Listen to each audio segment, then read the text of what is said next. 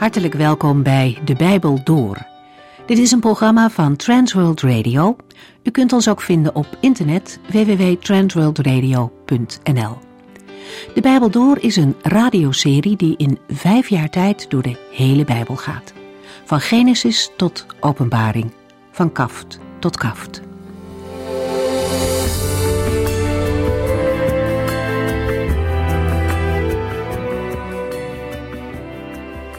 Lieve mensen, welkom. We lezen vandaag verder uit de profetie van Habakuk. Habakuk leefde in een politiek onrustige tijd. Het machtige Assyrische rijk is op zijn retour, maar heeft al wel het tienstammenrijk van Israël ingenomen. De Babyloniërs, die in dit boek de Galdeeën genoemd worden, de Babyloniërs zijn in opkomst als nieuwe wereldmacht. Het is een gewelddadig volk dat complete landen inneemt zonder al te veel moeite. In Habakkuk lezen we bijvoorbeeld hoe zij volken doden zonder enig medelijden. Maar er is meer. Habakkuk leeft in het twee-stammenrijk Juda, en dat was het meest gelovige deel van Gods volk. Maar ook hier gaat het niet goed in geestelijk opzicht. De laatste koningen luisteren niet meer naar het woord van de Heere, zij gaan liever hun eigen gang. En het land vult zich met onrecht, ruzies, onderdrukking en geweld, omdat de goddelozen het voor het zeggen hebben. De wet van God wordt niet langer gehandhaafd. Juda is ontzettend veel kwijtgeraakt, de zegen van de Heere is verdwenen. Toch zijn er ook in zulke donkere tijden weer mannen van God. Habakkuk is zo iemand. Hij worstelt er enorm mee. Hoe kan de Heere dit allemaal aanzien? En waarom doet hij niks?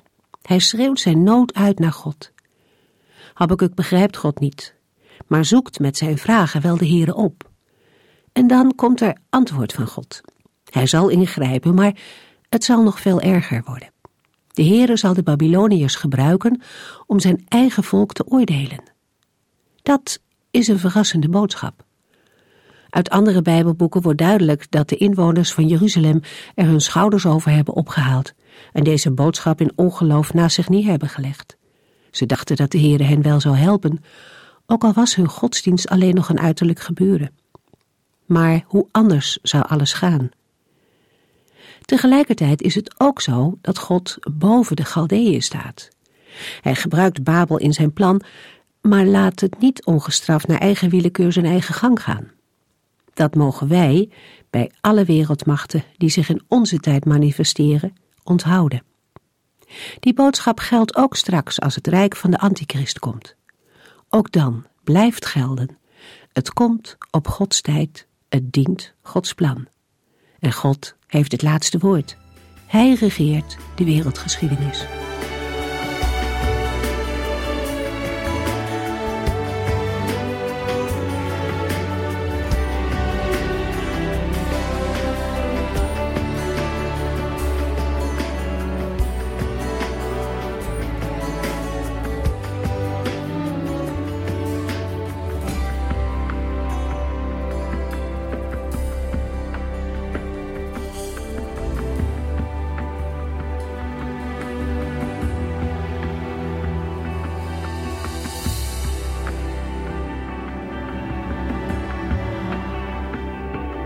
In deze uitzending kijken we nog even terug naar wat de Heere vanaf Habakkuk 1 vers 5 tegen de profeet Habakkuk heeft gezegd. We lazen in vers 5: De Heere antwoordt: Kijk eens naar de volken en verbaast u. Want ik ga tijdens uw leven iets doen wat u niet zou geloven als het werd verteld. Met de woorden: Kijk eens naar de volken en verbaas u, daagt de Heere Habakkuk uit om zijn ogen te openen en om zich heen te kijken. De profeet moet naar de volken kijken om zicht te krijgen op wat de Heere met de volken doet. Als Habakkuk dat doet, zal hij ontdekken dat onder de volken de ene grote crisis na de andere heeft plaatsgevonden. Het grote Assyrische rijk in het noorden is veroverd en de hoofdstad Nineveh is verwoest. En op de oevers van de rivier de Eufraat is een wereldrijk verrezen dat al bij Karkemis een overwinning op de farao van Egypte heeft behaald. De overwinnaar en de koning van het rijk is Nebukadnessar. Hij voert, tenminste dat denkt hij, het koninkrijk Babylon naar de overheersing van de toenmalig bekende wereld van het Midden-Oosten. De Heere zegt tegen Habakkuk: Kijk eens naar de volken en verbaas u.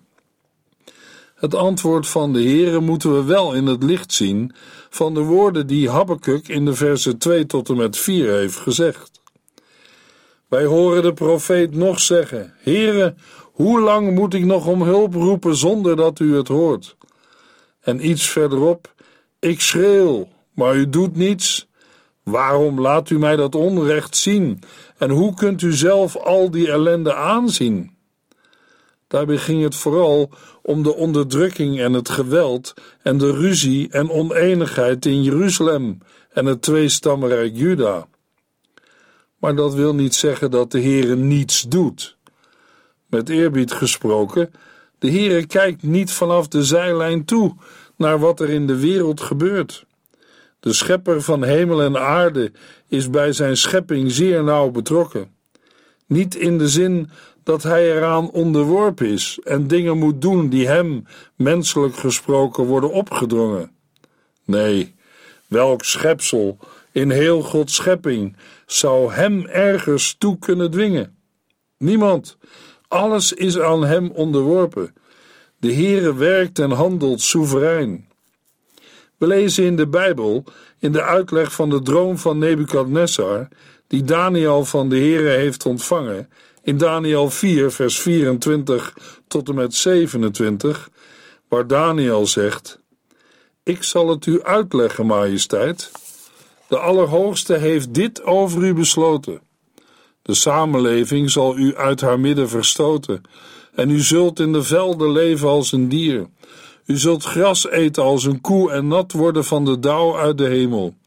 Zeven jaar lang zal uw leven er zo uitzien, tot u erkent dat de Allerhoogste alle koninkrijken in zijn macht heeft en die geeft aan wie hij wil.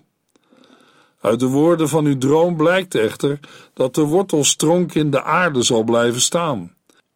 Dit betekent dat u uw koningschap blijvend terugkrijgt op het moment waarop u erkent dat de hemel de macht heeft. Majesteit, luister daarom naar mijn advies.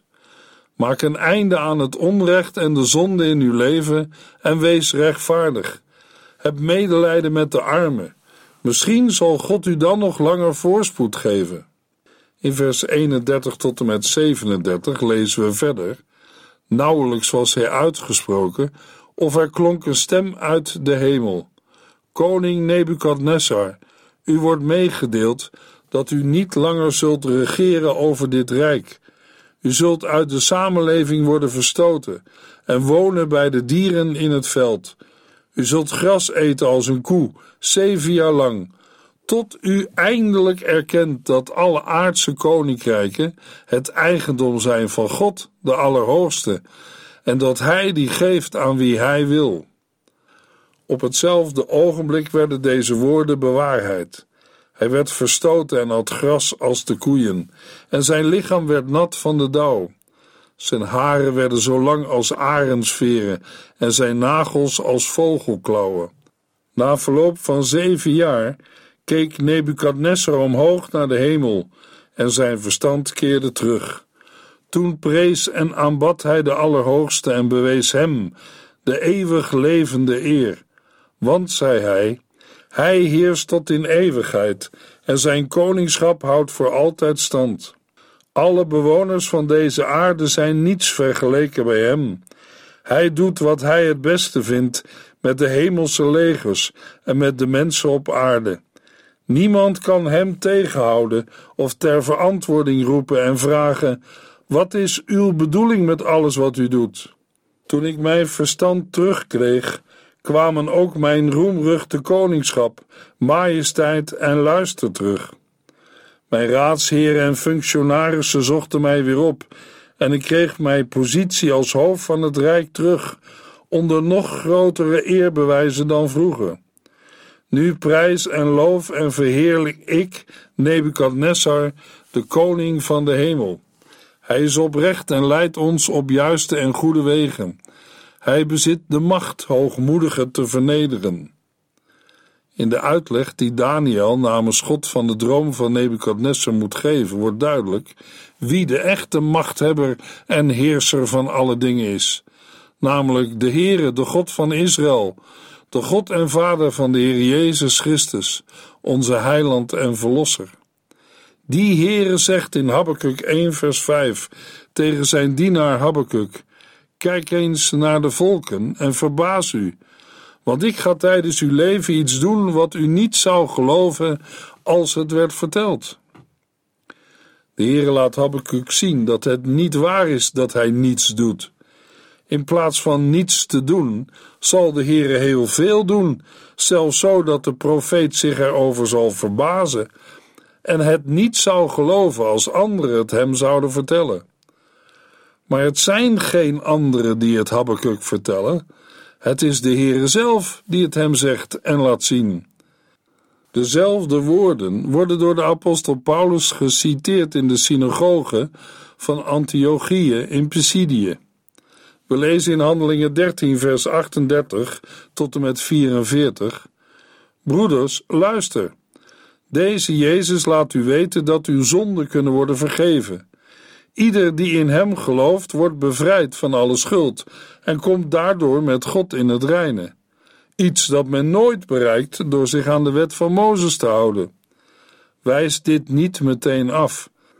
Wees voorzichtig, anders zou op u van toepassing kunnen zijn wat een van de profeten heeft gezegd. Ja, kijk maar verbaasd, jullie spotters, verdwijn uit mijn ogen, want ik ga tijdens uw leven iets doen wat u niet zou geloven als het werd verteld. Toen Paulus en Barnabas de synagoge verlieten, werd hun gevraagd de volgende sabbat terug te komen en weer over Jezus te spreken. Na de bijeenkomst liepen veel Joden en andere vereerders van God met hem mee. Paulus en Barnabas spoorden hen aan te blijven vertrouwen op de genade van God.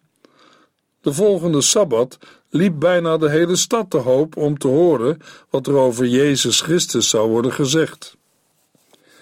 Apostel Paulus citeert uit Habakkuk 1 vers 5. Het is een verbazende toepassing van de woorden uit Habakkuk. De apostel Paulus zegt dat de Heere redding heeft gebracht.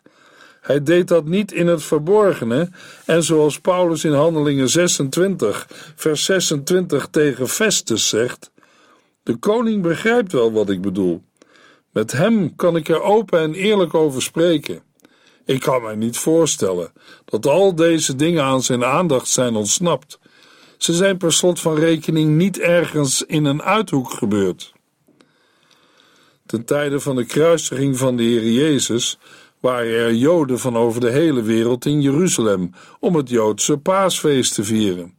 Ook zij hebben de gebeurtenissen in de landen waar ze woonden doorverteld aan anderen. Ook zij hebben overal verteld dat Jezus van Nazareth aan een kruis was gestorven, maar ook dat het gerucht ging dat hij uit de dood was opgestaan. Hetzelfde vond plaats met de dingen die tijdens het Pinksterfeest in Jeruzalem gebeurden. Ook toen waren er Joden van over de hele wereld naar Jeruzalem gekomen om in Jeruzalem het Pinksterfeest te vieren. Zij waren getuigen van de uitstorting van de Heilige Geest. En ook die gebeurtenissen en alles wat daarna gebeurde, hebben zij in de landen waar zij woonden doorverteld. In de begintijd, toen het evangelie van de Heer Jezus voor het eerst werd doorverteld, werden de aanhangers van de weg aanvankelijk door de Romeinse overheid genegeerd. Maar dat werd later anders. Na de steniging van Stefanus braken er felle vervolgingen uit en moesten veel christenen wegvluchten uit Jeruzalem.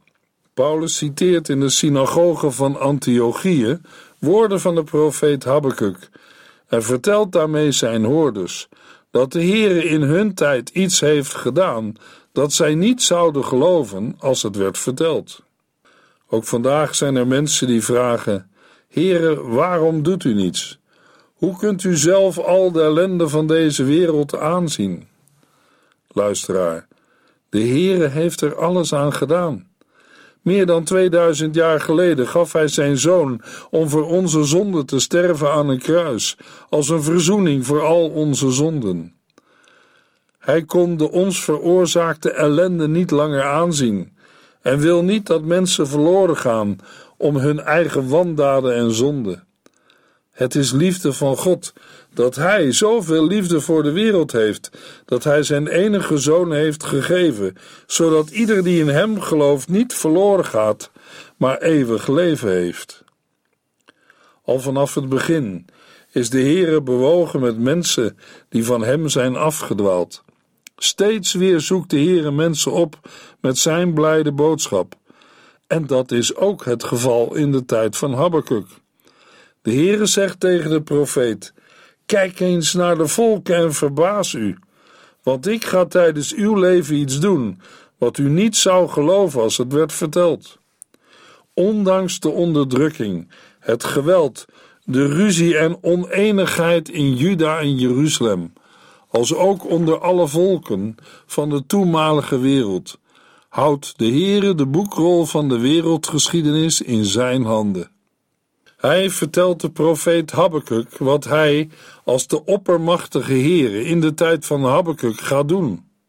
Habakkuk 1 vers 6 Ik ga een nieuwe wereldmacht ten tonele voeren. De Galdeën, een vreed, woest volk. Zij trekken de hele wereld door en veroveren andermans woonplaatsen. De Heere zal ingrijpen op een wonderlijke manier, zoals alleen God dat kan. Hoe? Dat lezen we in vers 6. De Heere zegt: Ik ga een nieuwe wereldmacht ten tonele voeren, de Galdeën, een wreed, woest volk. Dat is inderdaad een verrassende boodschap. In de vorige uitzending zagen we al dat de meeste mensen in Jeruzalem er hun schouders over hebben opgehaald. We kunnen het lezen in de Bijbelboeken Jeremia en Ezekiel. De meeste Israëlieten hebben de boodschap over de ondergang van Jeruzalem en de verwoesting van de tempel in ongeloof naast zich neergelegd. Zij waren van mening dat de Heere Jeruzalem wel moest beschermen, omdat zijn eigen huis, de tempel, er stond. Maar ze hadden beter kunnen weten door de boodschap van Habakkuk, die kort voor de beide andere profeten optrad. Het is een nieuwe bevestiging hoe diep het ongeloof geworteld is, ook in het denken van de Israëlieten. De Heer heeft in het verleden op vele manieren door de profeten tot het volk Israël gesproken, maar de meesten hebben het niet opgemerkt of hebben het als ongeloofwaardig naast zich neergelegd. Het is ook een wonderlijke boodschap. En het vraagt ook geloof om achter het optreden van de Galdeën de Babyloniërs de hand van God te zien. Toch zegt de Heer het zelf. We lazen het in vers 6. Ik ga een nieuwe wereldmacht ten tonele voeren.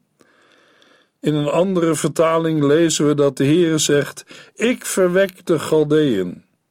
Het is Gods hand die de geschiedenis regeert. Alles ligt in zijn handen. Alsof de Heer vanaf het begin al duidelijk wil maken dat hij weet wat hij doet en dat het hem niet uit de hand loopt, zegt God wat de profeet van de Galdeeën kan verwachten.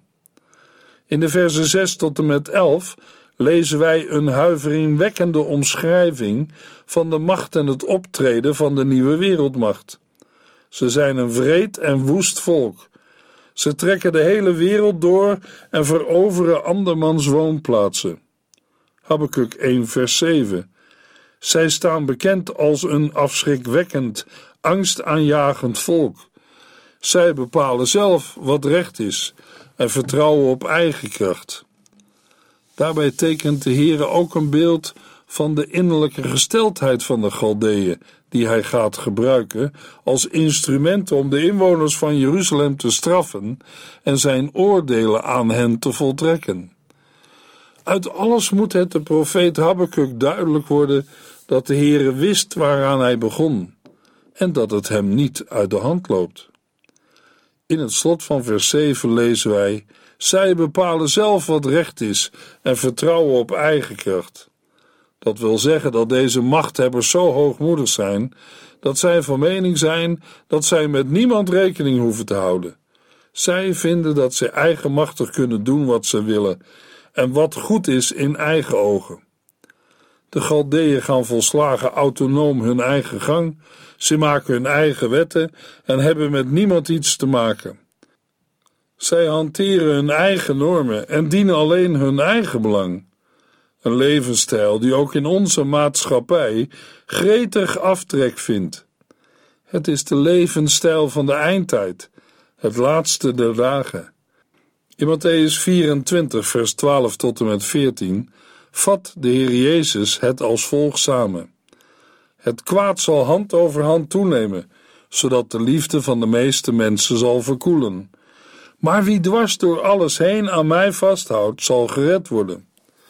Het goede nieuws over het koninkrijk van God zal overal ter wereld worden gebracht, zodat alle landen het zullen horen, en dan zal het einde komen.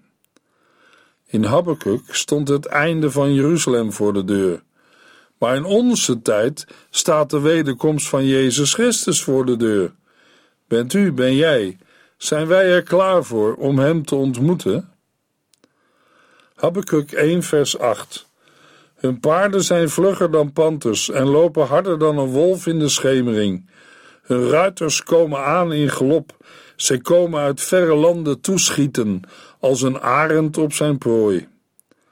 De Babyloniërs hebben in hun legers paarden gebruikt, als waarschijnlijk geen ander volk in die tijd heeft gedaan. De Egyptenaren en de Assyriërs gebruikten paarden voor hun strijdwagens. Maar de Babyloniërs gebruikten ook paarden met ruiters, de cavalerie. De machthebbers in Babel zijn wreed en beschikken over snelle legers, die in korte tijd een groot deel van het Midden-Oosten aan zich onderwerpen. Niemand hoeft zich illusies te maken en te denken dat het misschien wel meevalt. Er worden schrikaanjagende beelden getekend. Het zijn legers met de aard van een roofdier. Ze zijn snel als een panter en een arend die op hun prooi duiken. Ze zijn als een troep hongerige wolven in de avondschemering. De beelden maken duidelijk dat hun optreden gepaard gaat met wreed geweld, waarbij niets en niemand wordt ontzien. Habakkuk 1 vers 9 Zij komen om geweld te plegen. Hun aanval is als een verzengende oostenwind. Zij verzamelen gevangenen alsof het zand is. Grote hoeveelheden buit slepen ze mee naar hun vaderland. Onafzienbare rijen gevangenen worden afgevoerd naar onbekende bestemmingen. Habakkuk 1 vers 10 Ze drijven de spot met koningen en vorsten en lachen om elke vesting. Want de Galdeeën gooien er gewoon aarde tegenaan en nemen haar in. De Galdeeën drijven de spot met de koningen van de volken die ze aan zich onderwerpen. En geen enkele vesting zal voor hen onneembaar zijn. Want de Galdeeën gooien er gewoon aarde tegenaan en nemen haar in. Dat de Galdeeën en Babyloniërs instrumenten zijn in Gods hand, wil nog niet zeggen dat zij niet verantwoordelijk zijn voor hun eigen wreedheden en het beledigen van de God van Israël. Dat lezen we in vers 11. Habakkuk 1, vers 11. Als een wervelwind gaan zij verder en verdwijnen uit het gezicht. Maar hun schuld is groot, want zij maken van hun kracht hun God. Terwijl de Heere de Galdeën en de Babyloniërs gebruikt om zijn oordeel uit te voeren, verbeeldt Babel zich dat hun kracht hun God is. Het wil zeggen dat zij van mening zijn alles in eigen kracht en met eigen inzet verworven te hebben. En zij vergelijken zichzelf met goden. We hebben er voorbeelden van gelezen in het Bijbelboek Daniel. Hierbij moeten wij ons goed realiseren dat de Heer in vers 6 duidelijk heeft gemaakt dat de Galdeën een woest en wreed volk zijn, maar ook dat de nieuwe wereldmacht een vijand van de Heer zou zijn. Kortom, de Heere gebruikt de Galdeën en de Babyloniërs, maar laat hen niet ongestraft, naar eigen willekeur, hun gang gaan. De Heer heeft de nieuwe wereldmacht wel ten tonele gevoerd, maar hij staat erboven. Dat moeten we goed vasthouden. En die boodschap geldt ook voor de eindtijd, de tijd vlak voor de wederkomst van de Heer Jezus Christus, ook als het rijk van de Antichrist komt. Ook dan geldt: het komt op Gods tijd, het dient Gods plan. Maar de Heer Jezus zal hem door zijn adem vernietigen en hem als hij terugkomt alleen al door zijn stralende verschijning machteloos maken. De mens van zeer grote zonde zal komen en optreden als Satan zelf, vol duivelse list en kracht. Hij zal iedereen een rad voor ogen draaien door allerlei opzienbarende, bedriegelijke wonderen te doen. In elk geval de mensen die op weg zijn naar de ondergang, omdat zij niets willen weten van de waarheid waardoor zij gered hadden kunnen worden. Omdat zij niet van de waarheid houden, laat God hen met hun hele hart in leugens geloven. Zij zullen allemaal veroordeeld worden, omdat zij niet de waarheid geloven, maar met genoegen onrecht accepteren. Habakkuk 1 vers 12 Och Heere, mijn heilige God, u die eeuwig leeft, zou u met dit alles het plan hebben ons weg te vagen? Natuurlijk niet. Heere, onze rots, u besloot de Galdeeën te laten komen om ons te straffen en terecht te wijzen vanwege onze zonden. De profeet Habakkuk heeft nu wel antwoord op zijn gebed, maar uit zijn reactie wordt duidelijk dat dit niet het antwoord is dat hij verwachtte. We horen de profeet niet zeggen: Heere, zoals u het doet, is het goed. Handen wringend zien wij de profeet opnieuw tot God gaan in gebed. Habakkuk begrijpt het niet en hij is het er ook niet mee eens. In een andere vertaling lezen we in vers 12 en 13: Zijt gij niet van ouds, Heere, mijn God, mijn heilige? Wij sterven niet. Heere, tot een oordeel heb gij hem gesteld en, o rots, om te tuchtigen heb ge hem bestemd. Gij die te rein van ogen zijt om het kwaad te zien, en die het onrecht niet kunt aanschouwen. Waarom aanschouwt gij de trouwelozen en zwijgt gij als de goddeloze verslindt hem die rechtvaardiger is dan hij? De profeet slingert zijn woorden naar de hemel. Wat zal er nu gebeuren? Daarover meer in de volgende uitzending.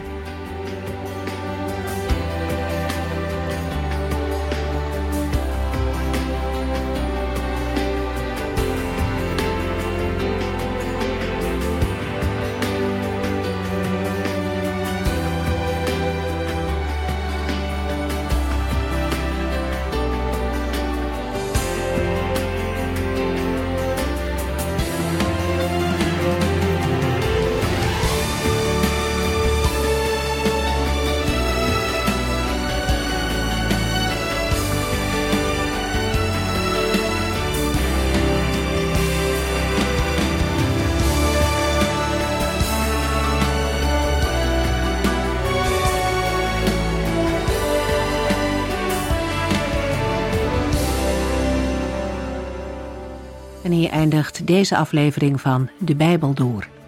Een serie programma's van Transworld Radio. Wilt u ons iets vragen of meer weten? Dan kunt u altijd contact met ons opnemen. Bellen kan overdag met 0342 478432. Per post Transworld Radio.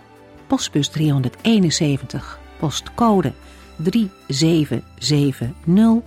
Anton Johannes in Barneveld. En e-mailen kan ook. De Bijbel door at transworldradio.nl En natuurlijk ook via onze website transworldradio.nl Dit programma werd gepresenteerd door Cor Weda en Ike André. En namens iedereen die er nog meer aan meegewerkt heeft, graag tot de volgende keer.